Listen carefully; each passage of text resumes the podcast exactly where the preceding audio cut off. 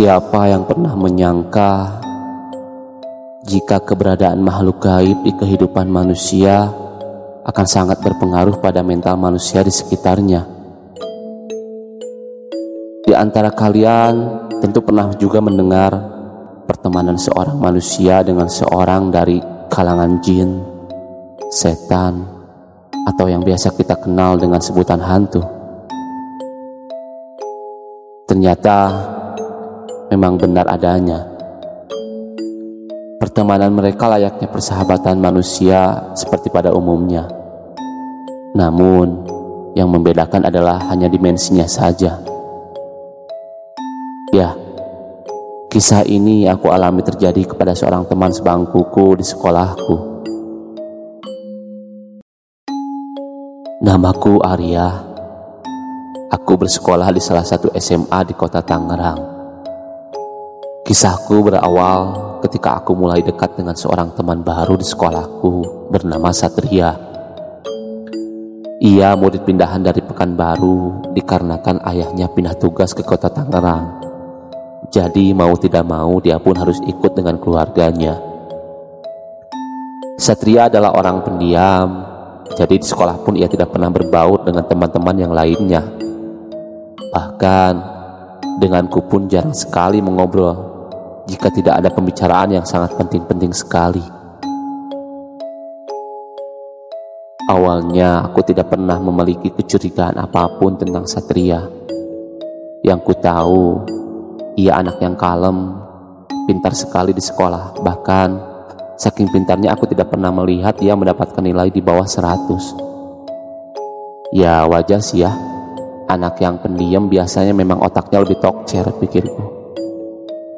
Suatu hari, sekolahku memberikan kami tugas kelompok membuat sebuah animasi tentang lingkungan hidup. Kebetulan saat itu kelompok hanya terdiri dari dua orang saja. Hingga aku pun merasa beruntung ketika harus satu kelompok dengan Satria. Pasti aku akan mendapatkan nilai yang bagus pikirku. Mengingat Satria sangat pintar sekali dalam berbagai pelajaran di sekolah. Karena tugas ini cukup rumit dan membutuhkan waktu yang cukup lama, akhirnya aku memutuskan untuk menginap di rumah Satria yang lokasinya hanya 20 menit dari rumahku. Jadi cukup dekat sekali. Ditambah, jika aku harus mengerjakan di rumahku, pastinya akan tidak nyaman.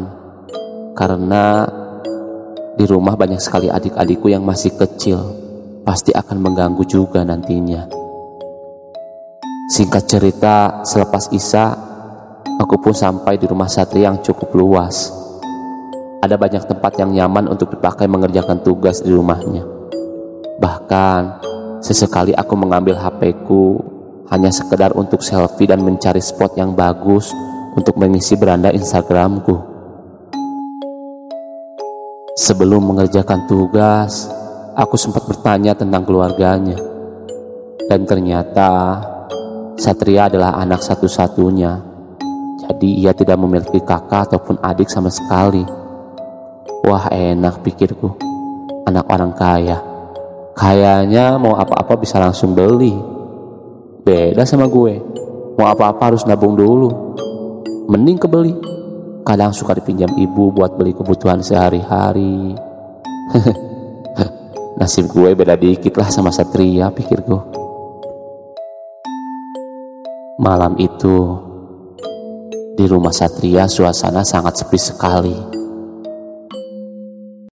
Ketika aku bertanya tentang keberadaan ayah dan ibunya Satria, ia hanya bilang kalau ayahnya lagi lembur kerja sampai besok pagi dan ibunya sudah tidur.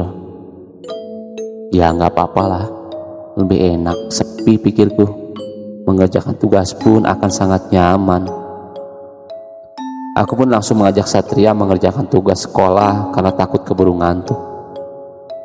Namun saat aku mengajaknya, Satria menolaknya dengan alasan harus nunggu ibu dulu bangun. aku pun mengernyitkan dahi keanehan. Ngerjain tugas sekolah ngapain nunggu ibu lo bangun sih Sat? Kan ini tugas kita. Sahutku pada Satria. Namun ia hanya tersenyum saja. Ia pun mengajak bermain PlayStation, katanya biar otak rileks sebelum mengerjain tugas. Aku yang di rumah memang sangat hobi bermain game, sontak langsung mengiyakan ajakan Satria. Hingga tepat pukul 11 malam, tiba-tiba mataku terasa mengantuk. Ya, mengantuk sekali. Padahal di rumah biasanya begadang. Begadang sampai pagi pun biasanya lebih kuat. Apalagi disuguhkan game pasti sangat betah. Namun kali ini aneh. Keinginanku sangat besar ingin melanjutkan bermain game. Namun mata terasa sangat berat. Seketika Satria pun sudah mulai ngeh dengan keadaanku yang sudah mulai mengantuk dan mengajakku untuk tidur di salah satu kamar yang biasa dipakai untuk kamar tamu. Saking ngantuknya, aku pun mengiyakan ajakan Satria dan tanpa berlama-lama, aku pun mulai tertidur di kamar itu.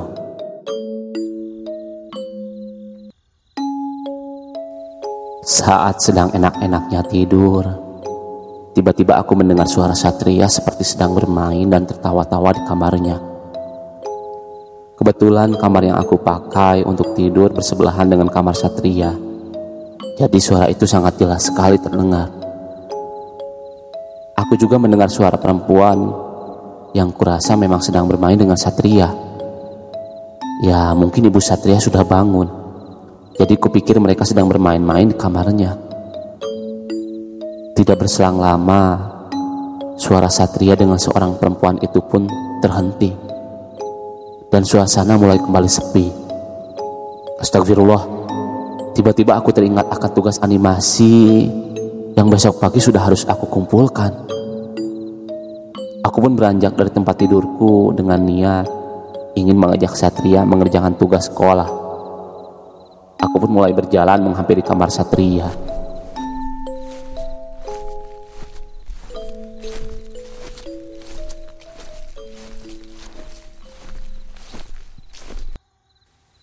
Saat aku sudah di depan pintu kamarnya yang sedikit terbuka, aku mendengar suara yang rasanya sangat aneh dari dalam kamar Satria. Dengan rasa penasaran, aku mencoba mengintip dari selah pintu kamar Satria. Dan betapa terkejutnya ketika aku melihat di dekat Satria yang sedang duduk di depan komputer, ada seorang perempuan berbaju putih sedang berdiri di sampingnya.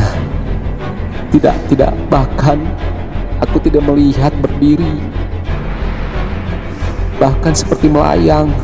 Astagfirullah. Seketika ingin rasanya aku berteriak. Namun aku takut sosok itu melihatku. Rambutnya sangat panjang. Wajahnya tidak terlihat jelas karena aku hanya melihat bagian arah belakang tubuhnya saja sedangkan tangannya sedang mengusap-usap kepala Satria yang masih fokus yang masih fokus sekali di depan komputernya. Dan dan aku melihat buku perempuan itu sangat panjang sekali dengan sedikit darah di sekelilingnya. Sontak aku semakin bertambah ketakutan. Perlahan aku mencoba meninggalkan tempat itu untuk kembali ke kamarku dengan sangat hati-hati Aku pun langsung bersembunyi di balik selimut dengan perasaan yang sangat ketakutan. Seketika aku berpikir untuk menghubungi ayahku untuk menjemputku di rumah Satria. Namun sialnya, aku ingat HP ku disimpan di atas kursi saat aku sedang bermain PlayStation tadi. Karena saking ketakutan dan tidak ingin lagi keluar kamar, Aku lebih merasa aman berada di dalam selimut meskipun dengan keadaan tubuh yang penuh dengan keringat dan jantung yang semakin berdebar kencang. Aku sempat berpikir, siapa perempuan itu? Kenapa begitu dekat dan sangat akrab sekali dengan Satria? Hingga baru kali ini aku mendengar tawa Satria yang begitu lepas. Namun kenapa Satria tidak merasa ketakutan di dekatnya? Saat keadaanku mulai merasa tenang, Tiba-tiba ada seseorang yang membuka pintu kamarku. Sontak, aku semakin ketakutan dan mencoba untuk pura-pura tidur dalam selimut yang masih menjadi tempat teramanku. Lalu, tidak berselang lama, ia menaiki tempat tidurku dengan suara geraman seperti harimau. Keringat semakin deras bercucuran di tubuhku. Ingin sekali rasanya berlari dan keluar dari rumah ini. Namun nyaliku berasa sangat ciut untuk kabur. Tiba-tiba ada yang mengusap bagian tanganku. Sontak aku kaget dan kali ini aku berpikir memang benar-benar harus berlari kabur dari rumah ini dan masa bodoh dengan tugasku itu. Aku pun mencoba membuka selimutku dan menyiapkan tenagaku untuk langsung lari keluar kamar. Dan sial, tubuhku tiba-tiba terasa sangat kaku sekali dan susah untuk digerakkan. Kali ini di sampingku seperti ada sesosok yang menggeram. Sontak, sontak aku melihat ke arah samping, walaupun nyali ciut. kamu di sini? Seorang perempuan dengan wajah yang pucat dan mata yang hitam sedang sedang berada di sampingku dan menatapku. Baunya yang baunya sangat busuk membuatku seperti ingin muntah. Kali ini aku ingin menjerit, namun namun suaraku seperti ada yang menahan. Tiba-tiba Tubuhku terbanting ke arah tembok yang berada di samping sebuah lemari dan aku mulai pingsan dan tak sadarkan diri.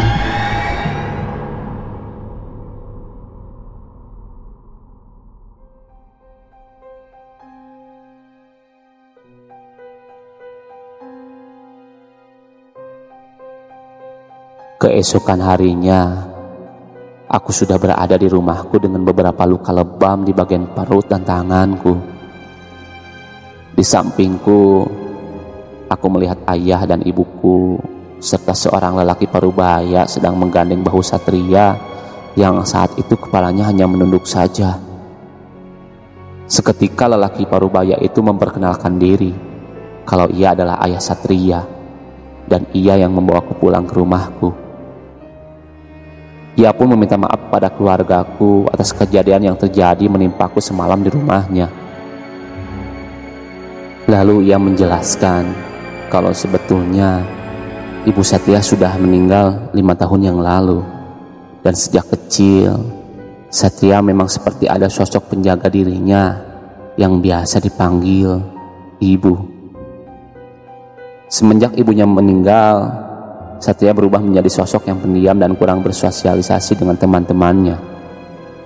Alasan ayahnya mengajak pindah ke Tangerang pun karena sebenarnya ingin Satria sembuh dari gangguan sosok yang dipanggilnya ibu itu. Namun tetap saja, sosok itu sudah sangat dekat dengan Satria. Singkat cerita, setelah beberapa hari beristirahat di rumah, akhirnya aku kembali memberanikan diri untuk mulai masuk sekolah dan mencoba untuk tidak terlalu dekat dengan Satria. Namun sesampainya di sekolah, Aku mendapatkan kabar bahwa Satria sudah pindah semenjak kejadian yang kualami. Karena khawatir akan membuatku terus merasa trauma dan ketakutan. Semenjak kejadian itu, aku sudah tidak pernah lagi bertemu dengan Satria dan dengan ibu gaibnya yang selalu ada di dekatnya.